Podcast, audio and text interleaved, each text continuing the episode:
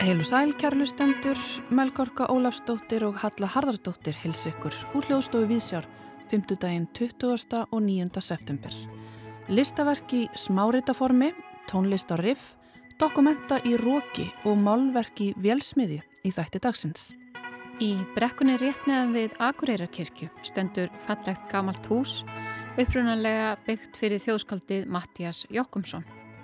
Húsið ber heitið Sigurhæðir og þar er í dag aðsettur menningarhúsins Flóru sem heldur utanum viðbörðu og vinnustofur listamanna og skapandi fólks. Þaðan er pastelreitröðin líka upprunnin, rauð listaverka í smáritsformi eftir fjölbreytta flóru listamanna. Í dag koma út fimm ný smárit á vegum pastel sem þar með eru orðin 33 talsins. Útgáfinu verður fagnað í Mengi í Reykjavík klukkan 5 og á Akureyri í næstu viku. Aðstendendur Flóru og Pastel, þau Linur Hallsson, sapstjóri listasapsins á Akureyri og Kristín Þóra Kjartansdóttir, listrætt stjórnandi og staðarhaldari á Sigurhæðum, verða gestir vísjár hér á eftir. Ég líti á listina í miklu víðara samengi en það að bara búa til myndlistaverk. Gömul verkværi geta í sjálfu sér verið listaverk ef þú skoðar þau. Svo saði Gunnar Pálsson, stálsmiður og verkfræðingur í samtali við Vísjá í morgun.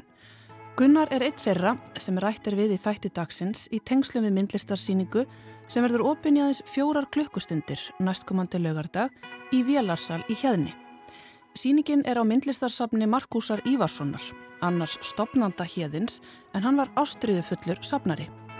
Ættingjar Markúsar gáfi listasafni Íslands verkin og er sýningin í Vélarsar Hjeðins sett upp í samstarfi við safnið. Við heyrum meira af þessu verkefni hér undir lok þáttar. Marteit Sindri Jónsson, doktorsnemi í listheimsbyggi, fleitur í dag sinn síðasta pistil í byli frá Kassel í Þískalandi. Samtíma leista hátíðinni Dokumenta, laugum liðna helgi og Marteit Sindri tekur fyrir eitt listaverk úr heilum hafsjólistaverka á Dokumenta sem fangaði sérstaklega aðtegli hans. En við byrjum á því að huga að bókverka útgafu á Akureyri. Þau eru sestina hjá mér Linur Hallsson, myndlistamæður og sapstjóri listasapsins á Akureyri og Kristín Þóra Kjartansdóttir, listrætt stjórnandi og staðarhaldari á Sigurhæðum. Sigurhæðir, þetta er stórmerkilegt hús á Akureyri. Jú, einmitt. Við erum, erum svo heppina að við Akureyringar að eiga þetta hús og þarna inn er þetta mörg hver þjóðargerseminn. Þetta er sérst hús sem að var uppalega reist fyrir eh, Guðrunur Runarsdóttir og Mattias Jökkumsson þjóðskaldi okkar mhm. -huh. og þarna hefur verið menningastar sem í, í gegnum áru og fólk hefur líka búið og núna semst er komið þarna menningarhús og erum með semst vinnustofur fyrir listafólk og skapandi aðla, hönnuði og fólki hugmyndavinnu. Og svo erum við með semst erum við að minna miðla menningararfinum í semst síningum og viðbörðum og bara heimsóknum. Fólk er að koma þetta mikið og hópar og einstaklingar að kynast þessum stað og þetta er bara svona, minnst þetta að vera mikið fallegt blóm í svona þjóðararfi okkar og svona menningarsögur líka, svo margir foröfnilegi karakterir sem að tengjast inn í þetta hús bara út um við, við að veröld eila. En þið hjóninn, þið fóruð að drífa áfram svona menningastar og ákvarðir áður en þið fóruð inn í Sigurhæðir með Flóru menningarhúsi. Jú, emmitt. Ég, ég er búin að reyka Flóru núna í að vera 12 ár og, og hlinir er sapstjóra listasafninu og búin að vera það í nýjár, njátt ár, eitthvað. Og síðan erum við líka með gangi til dæmis menningaverkefni sem heitir Pastelrýtröð. Það eru búin að vera með núna í 5 ár. Áður var Flóra í listagilinu og síðan er í Hafnastræti en það er sem sagt rúmt ár síðan að Flóra flutti upp í Sigurhæðir. Og pastelrítröðin, það er kannski aðal ástæðan fyrir því að við fengum ykkur til okkar í dag. Það er útgáfuhóf í Mengi klukkan 5, núna rétt á eftir. Og það eru 5 nýjar bækur, það eru nummer 29 til 33. Þetta er heilmikið sapn nú þegar. Já, bara gaman að því að þetta sé alltaf að hérna, sapnast í hópin og uh, Einmitt, við höfum staðið í þessu bara í, í nokkur ár og alltaf kem, koma svona nokkur ritt í eh, einum hóp sem sagt. Og núna eru það fimm ritt sem er að koma og þetta eru ólíkir höfundar, við höfum svona lagt alltaf áherslu á það að þetta séu sem sagt hérna fólk úr mismunandi listgreinum, tónlistarfólk, leikursfólk, riðlist, myndlist og svo framvegs og líka svona aðeins að hugsa um það að, að þetta sé fólk af landsbyðunum og eh, höfuborgarsvæðinu mm. og ólíkum aldri, bæði svona reynsluboltar og, og síðan nýgræðingar í, í listinni. Þannig að, að hérna, þetta verði svona góð blanda Fjölbreytt flóra Já, algjörlega. Nú er til dæmis koma eitt nýtt verk eftir Hanna Köllu Tryggvadóttir, hún er, var útskrifast á mentaskólanum Akureyri í vor og er í bókmæntafræði hérna í HÍ. Já, og hennabók er með teikningum og, og smásögu. Það verist vera svona svolítið frjálst eða listamanninum sem að skrifar eða tjái sig í mm. gegnum þessi rítverk. Þau geta tjáð í gegnum ljóð eða prósa eða teikningar eða ljósmyndir Þannig að þetta eru óvinnilega bækur. Já, þetta er sko svona, við tölum um þetta sem listaverk í rítaformi. Þannig að þetta er í rauninni ekki eiginlega svona bóka útgáfaði þannig og er svona, þess að fólk fær bara við, sérst í rauninni, það veljast inn listamenn í þetta og við veljum í rauninni ekki verk en síðan fær listamanni frjálsa hendur til að gera verk sem er þá bara blanda af texta eða myndefni í bara frjálsufalli því sem að hver og einn á hver að eh, velja sér í rauninni. Það er samt svona doldið skýrami, þetta er svona lítil hefti í raun og veru mm -hmm. og uh, 32 til 40 síður hvert og uh, takmarkað upplag, það er bara hundrað árituð og númeruð eintök. Þannig að e, þetta er óhagnaðardrifið. Það þarf ekki að vera svona hugsa um þú veist að selja eitthvað svona risa upplag eða eitthvað slúðis en, en, en ásamt að standa undir sér og að höfundurinn fái einhvern smá pening. Og, e, og svo er þetta líka sko með fjárumagnað af sagt, sveitafélagunum á Norrlandi Ístra og menningasjóði Akureyrbær þannig að þetta er menningarverkefni og er líka mikið svona samstarfs pæling í þessu þannig að við erum oft líka veist að koma sam, framan, fram saman og förum í svona smá túra líka og þannig að þetta gengur líka út á að mingla þú veist að blanda geði við annað fólk og, og kynast listafólki úr öðrum greinum og, og kynast einhverjum stöðu sem að maður kannski er ekkert endilega að koma inn á slis. Um veit. Leinur, þú talar um að þetta sé óhagnaðar dreifið. Við erum svo vöndið að fjáraslegur hagnaður þurfi til að drífa hlutin áfram. Kristín Þóra, þú nefnir mikilvægi samtalsins og samfélags listamanna. Er það mikilvægari drivkraftur í þessu samingi? Já, ég held að sé bara alltaf mikilvægt að hérna, hafa sköpunarými og rými í samfélaginu sem að, sem að fólk getur verið að, að gera hluti án þess að sé einhvers einmitt svona business pæling, viðskiptapæling í því því að þú veist í dag auðvitað sem allt sem er með svona hagnaður hugsun í og hlutunum svo oft settir upp þannig En svo auðvitað hagnast kannski einhver á þessu ekki, ekki bara fjárhagslega en það setur náttúrulega líka þá öll tengslinn sem myndast og, og samræðina sem er að sér stað og, og svona allskist þannig svona, svona ríkdæmi sem verður til. Já og það svona líka að blanda saman eh, kynnslóðum og eins og Kristinn segir svona ólíkum líka listgreinum og svo leiðis og þessar ferðir að fara í svona upplestraferð eða ekki bara upplestur það er líka að vera að sína myndir stundum eða, eða, eða flytja tónverk eða eitthvað svo leiðis að fara þú veist á, á hérna Rauvarhöfn eða Vopnafjörð eða Langanes mm. eða Siglufjörð eða eitthvað svo leiðis að eða eins og hingað til Reykjavíkur að já. hérna það svona uh, já, sýstir hópin saman og verða til einhverja svona nýjar hugmyndir og nýjar þengingar og og síðan verður eitthvað, eitthvað meira úr því líka og líka auðvitað þessi röð að það síður semst að koma eins og í dag fimm ólík verk út í einu og, og þau tengjast þessum uh, fimm sem er komið í fyrra og svo, svo framvegs. Já og þetta eru 33 rít nú þegar og meira framdann í vor og það er útgáðhóf í dag hér fyrir sunnan og fyrir norðan í næstu viku.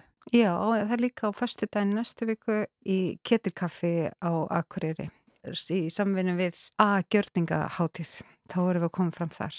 En þessi hópur sem að er að gefa út í dag, segðu mér aðeins frá þeim. Þetta eru þrjár konur á ólíkum aldri og tveir kartmenn sem kannski bókmentaheimurinn þekki betur til. Jú, já, að má kannski segja það svona, um, sko, Katla segmyndist áðan, hún er svona yngst og er að koma að norðan og Þetta er svona hennar uh, fyrsta verk og þetta er einmitt líka vettfangu fyrir þannig að fólk sé að koma með svona fyrsta verki sitt. Og hún er sérst með einmitt eh, svona örsögu og tekningar og Jakob Stakkovjak, hann er hérna í Reykjavík og hefur verið að riðja, riðja sér til rúms sem ljóskáld mm -hmm. og skrifar á íslensku en er frá Pólandi og hérna og hann er með prósaverk hérna hjá okkur í pastel og síðan er Fríða Kallstóttir, hún er með ljóð og tekningar, hún er myndlistamæður sem að larði e, út í Rotterdam og hérna býr á Akureyri núna og Einar Falur Ingolson er, er nú landstæktu ljósmyndari og einn okkar besti ljósmyndari mm og hefur líka gert frábæra bækur og mjög gaman að hafa hann með okkur í þessum hópi. Og hann er að koma með, með mjög flott uh, ljósmyndaverk og fallegt. Og Viktoria Blöndal, hún er svona tengis meirin í leikuskeira en hefur líka skrifað bækur og hún er að koma með uh, textaverkinu hjá okkur líka. Það er alveg frábært Já, það er svona eins og lítið leikrit að einhver leiti. Það má segja það. Já, akkurat, það má segja það. Já. Já. Við fáum kannski að heyra smá brota því. Endilega.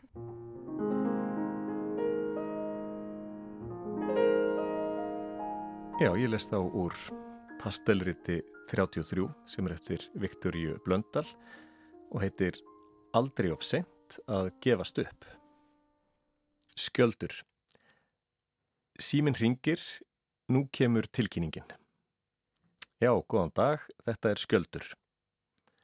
Nú já, já, já, þetta er þú síja, sæl. Sæl, nei ég er ekki svangur í dag og ég hef ekki fundið fyrir hungri í mörg ár. En það er svefnin sem er að fara með mig. Ég skil ekkert í þessu. Af hverju ég fest ekki svefn? Enkenlegt já, já, ég veit, Vertu sæl, síja mín? Nei, nei, það er allt í lægi með mig. Já, já, þetta fer allt vel. Allavega fer þetta einhvern veginn. Spurningin er bara hvernig. Já, vertu sæl, ávalt, alltaf, sæl, já, bless. Takk helga. Ég hjó eftir því í upplýsingum um pastelútgáfuna að fyrirmyndina væri fundargerði síslunemdar söður þingaja síslu.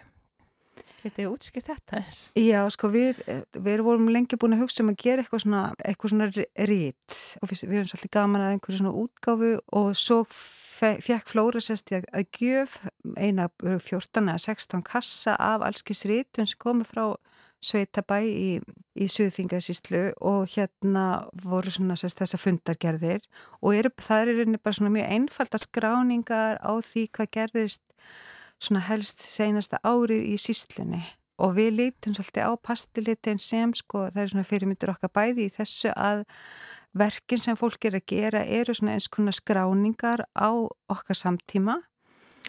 Og hérna og svo er líka þetta einfalda útlitt Já, við vorum náttúrulega að hugsa um að þetta er því svona, þú veist, auðþekkjanlegt en mhm. ótrúlega einfalt og, og uh, síðan er því innihaldið hins vegar sko, hérna, svona ríkt og, og hérna ólíkt minnir ekki alltaf á fundargerðir. Nei, einmitt.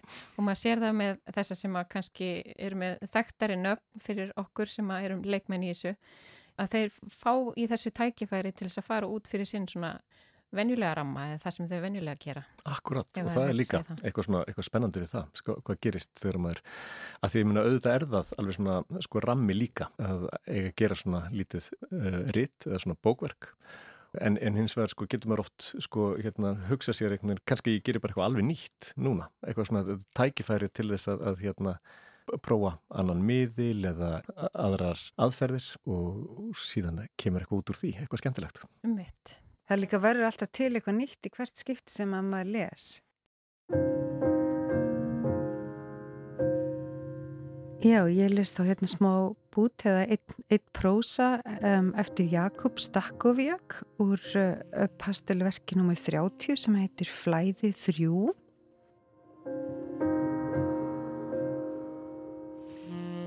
Kaupmaðurinn á horninu selur selsham á tilbóði einn hamur fyrir 25 hindberja sultukrukkur, sérshamur fyrir ráðvana skaldkonur sem geta ekki skrifað nema í reggvotum búningi sorgarinnar sem næri sig á orðfullum sálum þeirra og gegnum augu þeirra flýgur náttblindur, nöðru svartur fiskur sem neggjar hátt eins og hann haldi að hann sé sæhestur.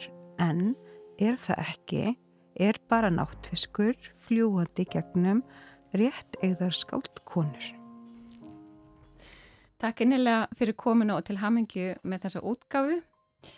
Linur Halsson og Kristín Þóra Kjartansdóttir. Takk fyrir mig. Takk sem leiðis.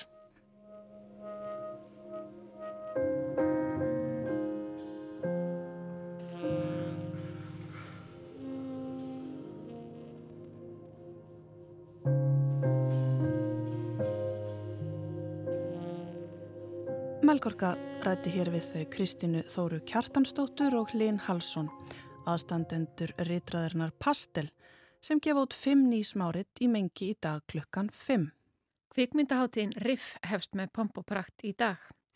Að þessu sinni fyrir háttíðin fram í Háskóla bíói og fyllir sali þess næstu daga því nýjasta í evróskri og alþjóðleiri kvikmyndagerð. Eins og vanalega eru allskins málþing, viðburðir og spurt og svarað eftir síningar. Á dasgráni eru um 200 myndir frá yfir 40 löndum sem skiptir í ímsa flokka. Eitt flokkana eru tónlistamindir og þar er að finna sex myndir í ár. Já, til að mynda verður frumsýnd heimildamindin 10 sem fjallar um hljómsveitina of Monsters and Men og þar verður einnig sínd myndin Song Hallelujah sem er nærmynd af Leonard Cohen út frá óteljandi snertiflutum hans heimsfræga sálms Hallelujah. Meet Me in the Bathroom fjallar svo um partimenningu í Lower East Side hverfinni í New York fyrir 11. september þar sem fylst er með utangarsmönnum með rockstjörnu drauma.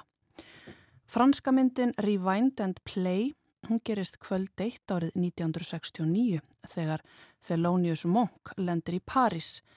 Áður en hann heldur kvöldtónleika sína tekur hann upp dagskrá fyrir franska sjómastöð sem sínir listamennin í áhugaverðu og mögulega nýju ljósi.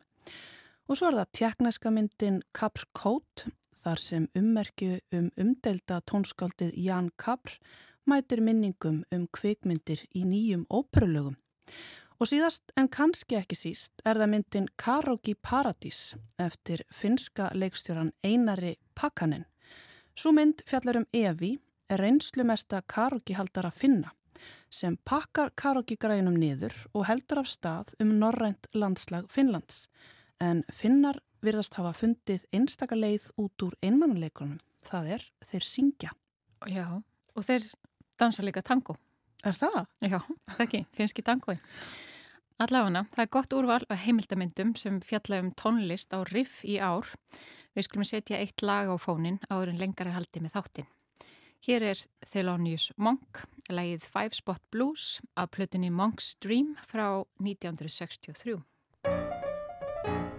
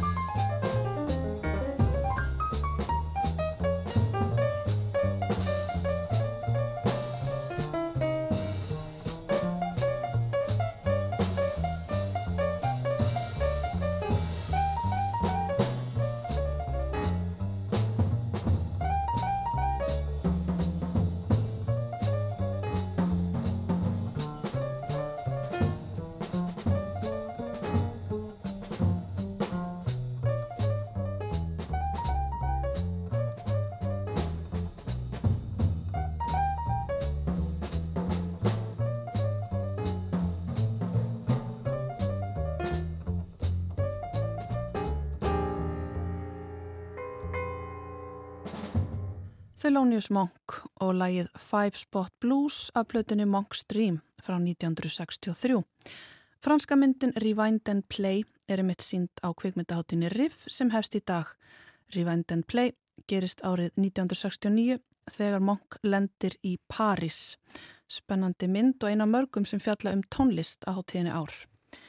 En frá kvikmyndaháttið Reykjavíkur færum við okkur á aðra háttið í Kassel í Þískalandi, Dokumenta.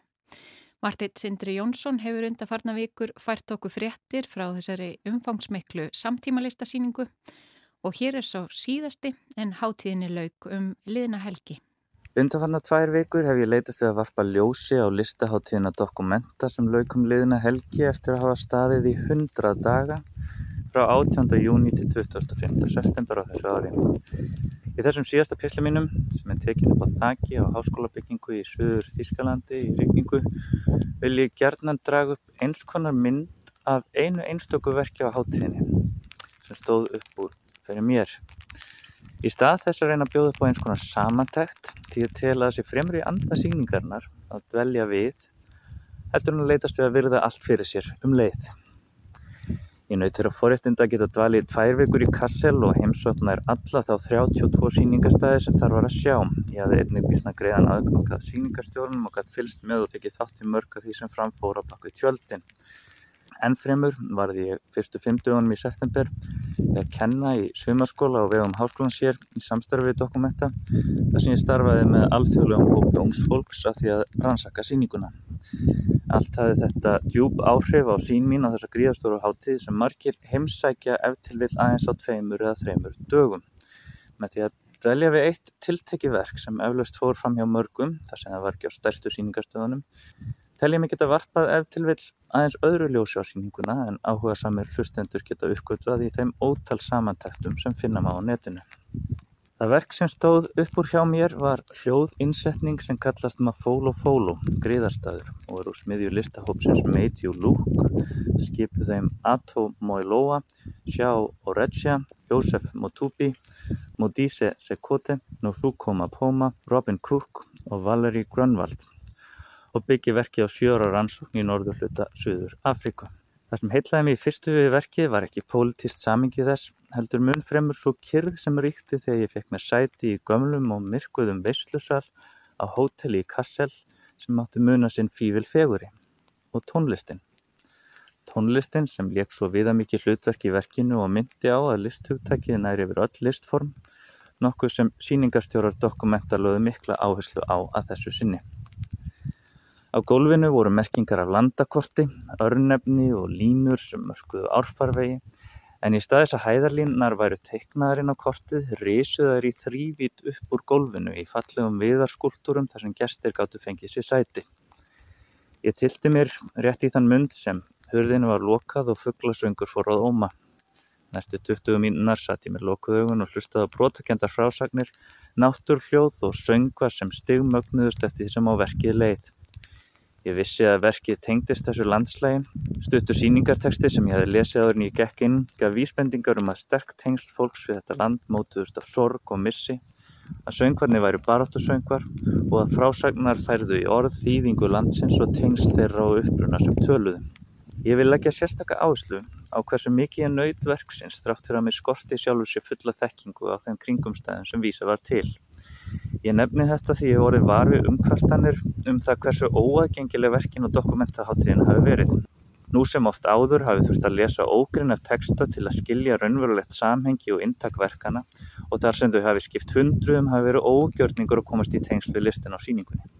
Þetta er að sjálfsögðu ekki nýjar umræður en ég velti því gerna fyrir mig hversu mikilvægt það er í raun og veru að skilja hvert einasta verk sem fyrir auguber til hlítar. Staðrindin með maður fól og fól og var svo að eftir upplifun mín á verkinu satt einhvað eftir. Einhver djúbstæði tilfinning fyrir samhengi sem ég þekkt ekki til fulls. Ég gæti tengt þessa tilfinningu örnöfnum og borðið maður fól og fóló, búm plats, segbúm, móholoxopela, kutvaneng og krokodæl.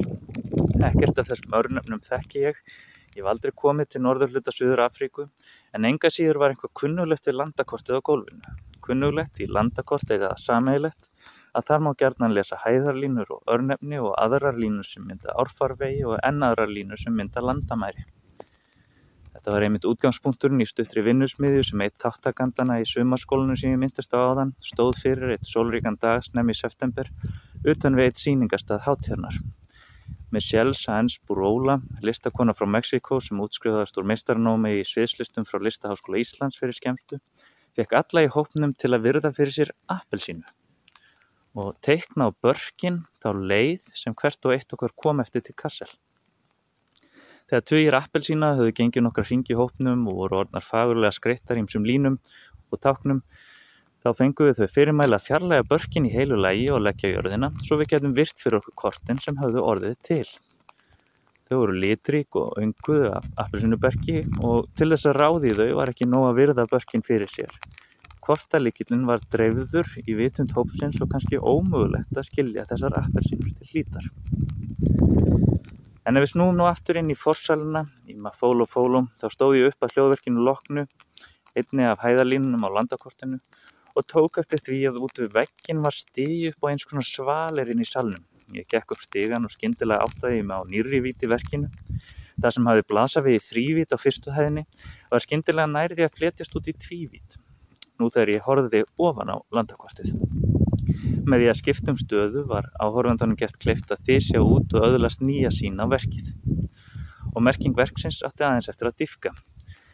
Þegar ég kom aftur fram í forsæluna í Andirun á hótelinu gekk ég upp enn annan stiga upp á enn aðra hæð þar sem stórar hitabeltisplöntur, tekkplötur og veggjum, raukt gólf og gríðarstórt gullsleiði landakort úr smiðju Karl nokkur stöpels gaf rýmunu ævintýralegan blæ evrópskrar útþenslu og nýlendustöfnu. Landakortið síni meginlöndin í gildu og úthöfin í svörstu og hefur hangið hér á Parkhótel Hessenland frá opnun hótelsins árið 1953. Á litlu upplýsingaskilti mátti lesa orð bladamann sem skrifaði um kortið á sínum tíma að það veri tákrænt fyrir heiminn undir einu þaki. Þessar upplýsingar gáðu verkinu neðan tilja enn ríkari merkingu og eru til marg sem eitt sem tók sjálflega vel í síningarstjórn dokumenta þessu sinni. Það skapa samtala á milli verkan og síningunni og einstakra síningarstaða eða staðhanda. Um leið verður til einhver írónísk vít því lýsingarnar á heimskortinu gætu allt eins hafa verið hafðar um heimsýningar nýlenduveldana sem dokumenta dregur ennþann dag í dag dámaf. Þó með þeim mikilvæga greinamun að dokumenta 15 var engan veginn verið að reyna að samina heiminu undir einu þakki, heldur miklu fremur að brjóta upp þá tálsýna slíkt sér yfirhöfuð hægt að gera. Og það er kannski einmitt hér sem ég ætla þessum pistli virkni sína með því að streytast á móti þeirri tilneingu að vilja varpa ljósi á heila 100 daga hátíð með hundruðum listaverka tæplega 1700 listamanna þegar slíkt er að sjálfsögðu ómögulegt. Mörgum vikum eftir ég sá og heyrði um að og fólu í Kassel á laugardaginn síðastliðin hlustaði ég á Nomusa Makubu, listakonu og síningastjóra frá Suður Afríku ræða um samtíma list þar í landi og þýðingu landsins sjálfs í þessu samengi. Þá bættist við enn eitt merkingalagi því aðskilnaðastefna hvítra stjórnvalda Suður Afríku hóst fyrir alvöru árið 1913 með lagasetningu sem takmarkaði eignarhald svartra Suður Afríku búa á landaregnum og hrakti þúsundir fjölskyldna á vergang og flótta. Makubu ræti lengjum þýðingu þessara viðburða en jafnframt um það hvernig tengslum við landið er haldið til haga meðal annars þegar fólk segir til nafns. Þá er ekki látið næja að kenna sig föður að móður heldur jafnframt við ömmur og afa, langa og langömmur og jafnframt er tekið fram hvaðan fólki manns kom, hvort það komur austri eða vestri, hvort það hefur búið lengi á sama staði eða verið á faraldsvæti. Og það var eins og ég hefði fundið enneitt stigan á Parkhotel Hessenland upp á þriðju eða fjóruðu hæðin og ofan við landakortið sem fyrst var í þrývít og svo í tvívít og svo í samhengi heimskortsins sem pritt hafði vekki hótelsins frá 1953. Nú var skyndilega komin enn einn vítindi sögunar til margsum þá opnun sem hvert einasta verk á dokumentaháttíðinu bauð upp á með sínum hætti eins konar bóð. Sagði Marteit Sindri Jónsson um það verk sem hafði hvað mest áhrif á hann á dokumenta. Takk fyrir það Marteit Sindri. Og við færum okkur úr rókinu í Þískalandi yfir í stort og háaðsamt rými í Hafnafyrinu. Ég er stött í risastórum sal, fullum af vélum og tækjum. Þetta er einn salur af mörgum hér í hjaðni á völlunum í Hafnarfyrði. Hér mun fara fram malverkarsýning næstkomandi laugadag, 1. oktober, sem mun aðeins standa yfir í fjórar klukkustundir. Slögt verður á öllum vélum og innan um þær munur ríflega 50 verk, mörg hver líkilverk í íslenskri listasögu, hanga uppi. Þetta er Sab Markúsar Ívarssonar en hann var annar stopnenda hérðins og ástriðufullur myndlistarsafnari. Sýningin er samstagsverkefni Listasaps Íslands og hérðins en fyrirtæki fagnar 100 ára afmæli í ár. Mm -hmm. Þið eru bara komin á kaffistofuna? Þetta er kaffistofan sko. Já, já. Þið sýta hér á hérna. Hvað er það þjónustu deildina? Inn í Vélarsal hitti ég Gunnar Pálsson, verkfræðing sem hefur starfað í næstum 40 ár í fyrirtækinu. Hér er Já. smá friðu núna því að það er allir í kaffipásu. Já. Ég heyri samt aðeins svona vélanið. Já, það er bara smá niður. En þetta er viðgerðavegstæðið og, og rennivegstæðið. Hérna sjáum við eh, rennibekki að ýmsum aldri. Segðu mér aðeins hvernig fyrirtæki er hérðin. Það er ekkert allir sem vita það.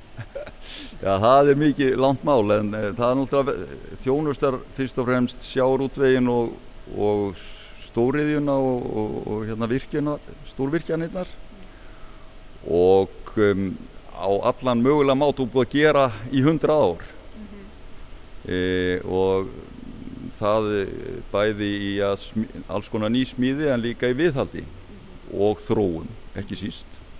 Þannig að okkar viðskiptavinir hafa löngum verið þeir sömu í þessi hundra ári. Kanski ekki mjög, mjög margir. Ef við lappa í tringjarna. Þú sagði mér að þú væri búin að vinna hérna í mörg ár. Já og ég, ég held að það sé nú að verða einhver 30-40 og það var nú ymsurunni lengur en ég hérna. En eh, ég byrjaði eins og svo margir bara á, á vegstæðinu sem lærlingur fyrir um 1982 þegar ég var hér fyrst í hérna og svo fór ég að læra meira og gerist verkfræðingur og kom svo aftur til starfa hér 91. Þannig að þú situr við skrippbor í dag. Ég er, ég er nú sjaldan þar en, en stundum og horf út í lofti og hugsa, segja menn hér. Já. Já, Þú sagði mér áðan að það hefði alltaf verið mikið samniti við myndlistamenn hérna í þessu fyrirtæki. já, það er náttúrulega kemur nú til, eða við sjáum það í sögunni þegar við erum að skoða hana núna, það er, hefur fyllt fyrirtækinu, hérna, annar stofnandinn, Markus, hann var gríðalegur myndlista áhuga maður og, og sapnaði verkum og það er nú einmitt það sem við ætlum að fara að sína hér.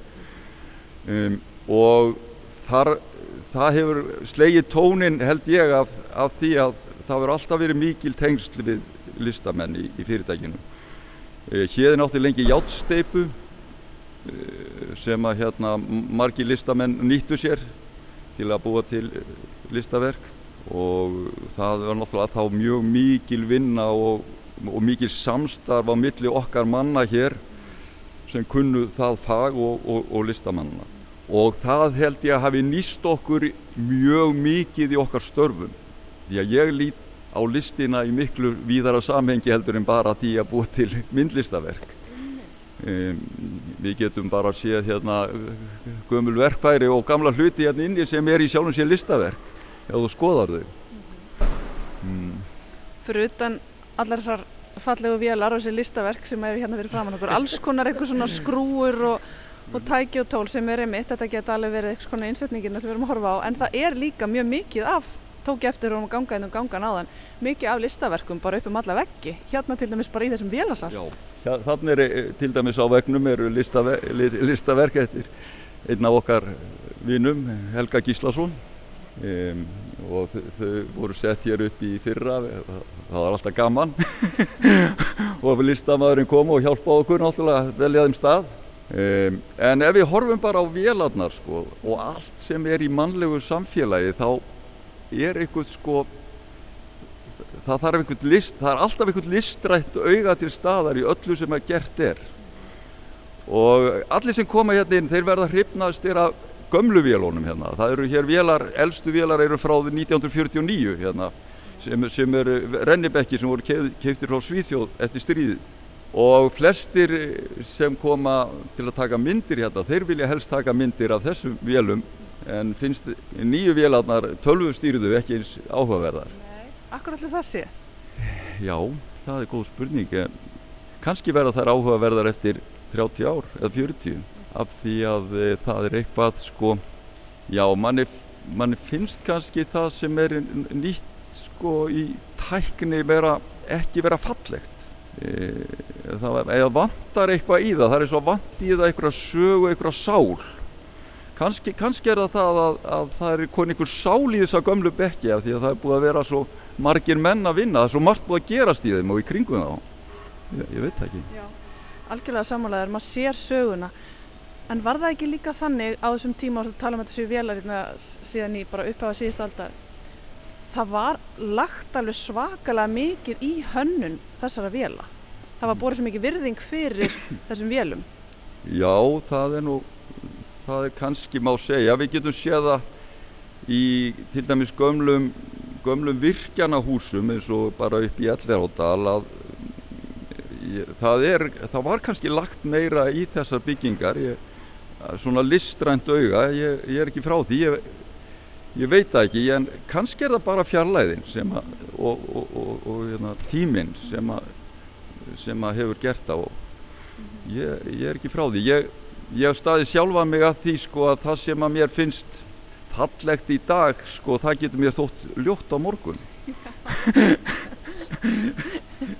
Það er hann að sagða Já eins og bara eins og við sjáum allt sem að við kaupum okkur bíla eða hvaðinn eða húsgögn eða hús að þau er eiginlega sko ljótust svona eftir 30 ár. Það sem er 20-30 ára gammal það finnst okkur allt saman frekar döl sem er með eldri og munum þau. En síðan það sem er ennþá eldra það fyrir okkur að finnast fallegt. Ég veit ekki, ég, ég er svona spáð í þetta því ég stend, mig að ég sjálfum að, að hérna, breyta smekk með tímanum. Absolutt. Við Gunnar höldum áfram leið okkar um vélsmiðina og hann sýnir mér allskynns vélar og risastóra varaluti úr stáli. Skrúfur í skip, pressur til að mala korn og flókin rör sem eiga flytja allskynns varning til að mynda fiskimjöl. Margir þessara hluta eru hans hugarsmýð Þegar við komum svo út fyrir, út á plan, staðnamist hann við verk eftir Kristján Rapsson. Það verið verið, var, þegar Játsteipan var, þá var mikið unnið fyrir hann þar. Og í, í, þannig að hann er, við keif, ja, keiftum á húnum verk hérna fyrir húsið hérna e, fyrir nokkrum árum sem voru, eru svo sett hérna í stjettina og það stendur hér hefur allt gerst. Þetta er hérna sem sagt hér fara vörurnar út ef þú kemur inn í húsið þá er það á stjettinni fyrir ingangin hér mun allt gerast það, þetta fannst okkur skemmtilegt Það brítur aðeins upp daginn kannski? Já, það gerir það og, og já. já og það er hérna hér er, þetta er rennivegstaði hér og, og, fræsfélag Þetta eru nýjar vélar, sko. þarna sérðu nýjar vélar sem eru mjög fullkomnar og, og manni finnst það nú ekki fallegar, kannski. Um, já, ég veit það ekki, það er kannski eitthvað við hana. Já, við getum nú kíkt inn í hana og, og hérna, þetta er kannski meira notagildið þarna eh, sem er í fyrirrumi og síðan eru kannski komin svona element inn í eins og bara e, hérna öryggismál mikið sko, vélarnar eru lokaðar svolítið að fólk geti ekki skada sig og svolítið Og, en svo þegar inn í þar kemur þá er þetta bara eins og gömlu vélarnar og þetta er svona eins og öll verkværi sem mannskeppnan hefur búið sér til og býr sér til að þau, þau eru láttulega einhvern veginn þróið í gegnum hundruði ára og jafnvel þúsundir. Það er svona eins og hamar sko hérna. Hamar er sjálfsagt eitthvað það elsta verkværi sem mannskeppnan hefur búið til, kannski fyrir hundrað þúsund árum eða eitthvað svo leiðis og, og, og þeir eru að ymsum gerðum og, og sumir þeir eru fallegir sko. og með þessa hugmynd í kollinum um fegurð Hamarsins skilja við Gunnar Pálsson. Hann fer aftur inn á skrifstofuna sína, sennilega til að hugsa, kannski um nýtt stykki sem er nöðsynlegt til að bræða fisk, eitthvað starf í Noregi eða Kanada, en mikið af því sem er hannað og smíðað í hérni fyrir skip, virkjanir eða verksmiður annar staðar á nettinum. Ég fer aftur á móti inn á aðra skrifstofu, þar sem að afkomendur Markusar, stopnanda Hjeðins, hins ástriðu fulla myndlistarsafnara, sitja og ræða síninguna sem verður sett upp í einum vélasalna á morgun í samstarfi við listasafn Íslands. Guðmundur Sveinsson er barnabarn Markusar. Hann byrjaði að vinna sem unglingur í stálsmiðunni en er í dag komin að eftirlun. Ég fekk hann til að segja mig frá afarsínum sem hann þó kynntist aldrei því Markus fjall frá fyrir aldur fram árið 1943. Já, Markus var sem sagt játsmiður og velstjóri og fekk þennan geysilega áhuga á myndlist, ungur, frekar ungur og uh, var svo náttúrulega á réttum tíma má segja með að, að, að, að þessir merku myndlistamenn sem að urðu spruttu upp úr íslensku jarfi á þessum fyrri hluta síðustu aldar að hann var annarkot jafnaldrið alltaf var samtíð með þeim og hann þeir, þeir fylgdust að og hann fylgdist með þeirra listsköpun og þeirra þorskasögu og heitlaðist má segja og náði samband og var í vinnfengi við þá bara flesta mm -hmm. og upp úr þessu kom það að í bland hans mikli áhí á list og listsköpun þeirra og vinskapur og í þriðarlega kom náttúrulega hans vilji og áhí til þess að styrkja þá. Í sinni lífsbarótu því að þetta náttúrulega var ekkert kerfi til eða, eða sístem í kringum uh, stöðning við listamenn. Og í ljósið þessar þryggja þátt að þá kaupir hann af þeim þennan fjöldaverka sem kemur síðan í ljós það er ekki bara fjöldi heldur bara úrval íslenska myndlistar frá þessum tíma. Þannig að hann hefur haft auga fyrir góðri list og góðri myndlist ásamt í að vera þeirra eh, hjálpar hella og, og, og stuðnismæður mm -hmm. Já það er greinlegt að hann hefur haft mjög næmt auga og mann verður kannski bara að hugsa þess Jú, hann var vélsmiður og ég hef nú búin að komast að því á, á því að lappa hérna um fyrirtæki að það er fullt af listamennum minna þó að vinni við að hérna, smíða skrúur. Eh, Kanski var hann eh, listamæður innst inni líka? Já, hann var það, var, sko, hann var frægur sem handverksmaður og handlæginmaður og verkmaður. Mm. Þannig að vissulega hafði hann aug og hann, satt, þá fór hann það orða hann hafði smiðsöga mm. Og það stutt á milli smiðsögans og, og listamannsins. Mm -hmm. Þannig að hann hafði öruglega... E, í eðlislegan hérna, hæfileika sem listamæður, alveg öruglega. Það fara vist sögur af afæðinum að hann hafi farið um allt á hjóli og ekki verið kannski að eða neinum peningi óþarfa. Hann hafi svona frekar bara eitt umfram peningunum sínum í einmitt myndlist. Já og það sem meira er á þessum eh, upphásórnum allavega þá voru einhver umfram peningar. Þetta voru peningar frá teknir af heimilishaldinu mm. og af uh, því sem við í dagmyndum kalla sko okkar bara hérna, daglega lúsus. Mm. Já, já, hann ferðast um á, á reyðhjóli og það eru til heimildir af honum, ferðandi uh, á, á hérna, reyðandi hjólið og á petalanum að þá var málverk. Mm. Og mætti hann vinnusnýjum og hann var hann búin að kaupa eitthvað málverk og var að ferðast með heim á reyðhjólin. Í vinnugalanum að sjálfsögðu. Það var ekkert svo margir sem að ferðust um á hjólum á þessum tíma. Eh, ég held að þetta hef verið bara til dælu einstakt. Já. Ég held það. Þannig að það sem er heyri frá þessum tíðaranda á þessum tíma. Mm -hmm. Það er eh, eitt verk á síningunni sem er portrétt af afæðinum eftir Jón Stefansson. Já, aldrei frækt verk og hefur verið umfjallað í, í tímans rás og þetta er kannski að mínum að þetta sérstagast fyrir það að þetta er kannski eh, fyrsta portrétt sem er málað af manni í vinnugalla. Það var náttúrulega búið að vera málað portrétt af alls konar fyrirmönnum og, og, og hérna og, og góðu fólki mm -hmm. og þetta fólk var allt saman dressað upp í fín spariföld og með slifsi og svo var það málað en hann er málaður í samfestingi með meitil og hamar í hendinni tilbúin til að fara í næsta verk og þetta held ég sé alveg einstakt. Var hann alltaf í vinnugalanum og með meitilinn tilbúin þó hann hafi verið búin að koma þessu fyrirtækjarlegg og var auðvitað annar stopnenda fyrirtækisins held hann alltaf áfram að vera svona á gólfinu? Hann, ég held að hann hafi alla tíð verið sem, sem starfsmæðu fyrirtækisins á gólfinu, já. Hann var aldrei skrifstofumæður og hann var aldrei í, í hérna, jakkaföldum í vinnunni, held ég. Ég hef, ég hef aldrei hirt um það þessi myndir af því. Mm -hmm. En svo auðvitað kom hann heim til sín og þá uh, var dressuði með þessu upp og, og fór í kirkjuna Já. í fínufötunum sko. en í vinnunni þá var hann verkmaðurinn Já. hann var aldrei skustofumöður Haldur Lárusson frendi Guðmundar Sveinssonar sem við vorum hér að ræða við vinnur einni í fyrirtækinu og það er hann sem að skipuleggur síninguna sem fer upp á morgun og verður opinn almenningi á lögadag. Haldur tekur undir það að myndlistin hafi alltaf verið órjúvanlegur hluti á starfsemi hérðins hvort sem að það er í formi verka sem að hanga uppi um alla veggi eða þá í samstarfi og samtali við samtímalistamenn. Já sko hún er það við sjáum hérna, þetta er þetta arfleð stopnendana Markusar og Bjarnar Þorsteinssonar sem að stopnaði hérðin með honum að hérna þeirra arfleð hefur klárlega verið mjög sterk því að fyrirtæki stendur tröstum fótum í dag 100 árum setna og við sjáum alveg að þessi myndlistar áhugi Markusar og hans sín á fagufræði, hún hefur í rauninni verið hluti af starfsemi hérðins alla tíð. Þannig að við erum auðvitað að halda upp á 100 ára amalið og þá lítum við tilbaka til stopnendana og til Markusar og hérna eru við alla daga með Arlið Markusari kringum okkur og hinn ángin af því er myndlistarsamnið mm -hmm. og já, hann var mjög merkilegu maður, þetta er sko, hann er rauninni fyrsti maður sem byrjar að sapna myndlist á Íslandi og á þessum tíma er myndlist ekki, sko listarsam Íslands var stopnað 1840, 1884 segi ég, sem er fæðingar ár Markusar reyndar, þetta er alveg skemmtilegt.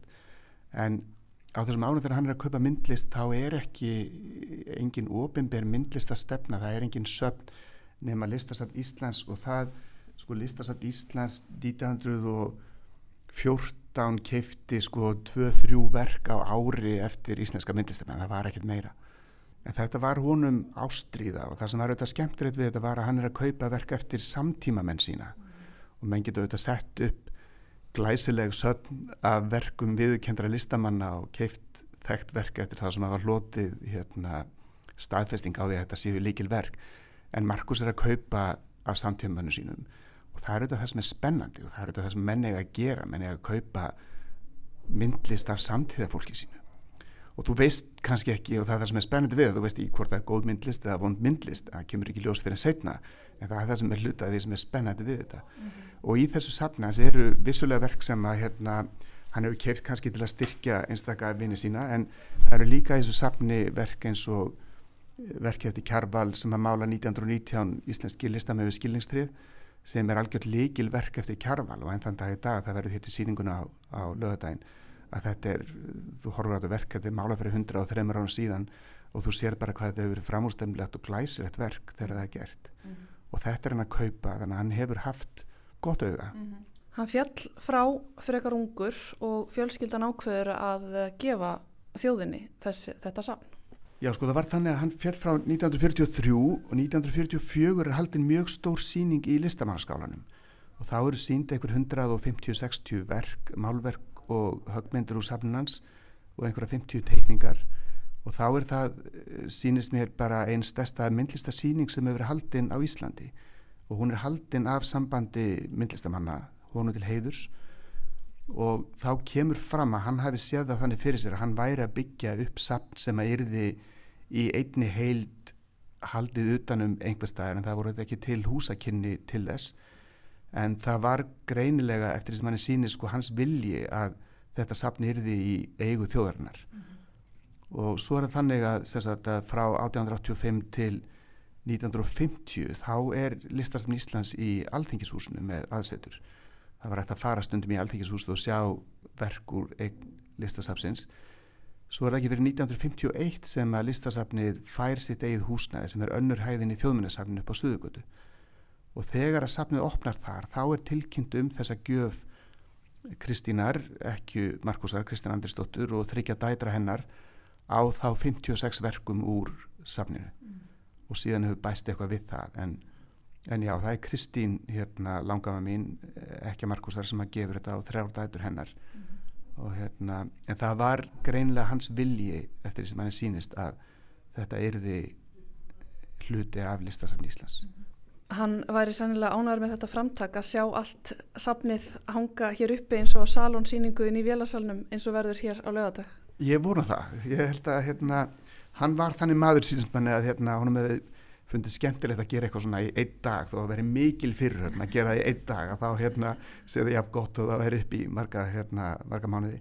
Ég held það, ég held að það veri mjög skemmtilegt að sjá hérna verkinu þessu samhengi og við erum þetta mjög þakklátt listasafnu fyrir að vera tilbúið að gera þetta að hérna að koma í kringu 50 verkum úr eigu sapsins og hérna það er þetta mikið trössum að listasafni sínur okkur að lána okkur þetta hingað.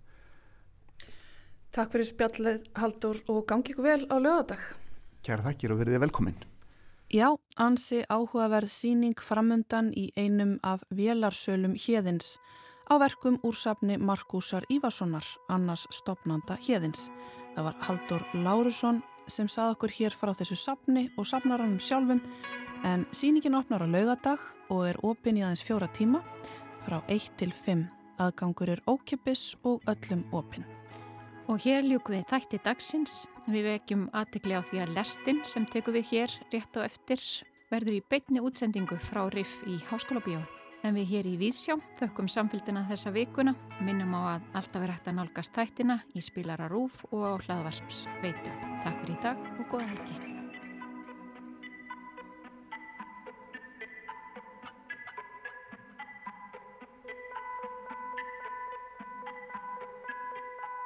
You.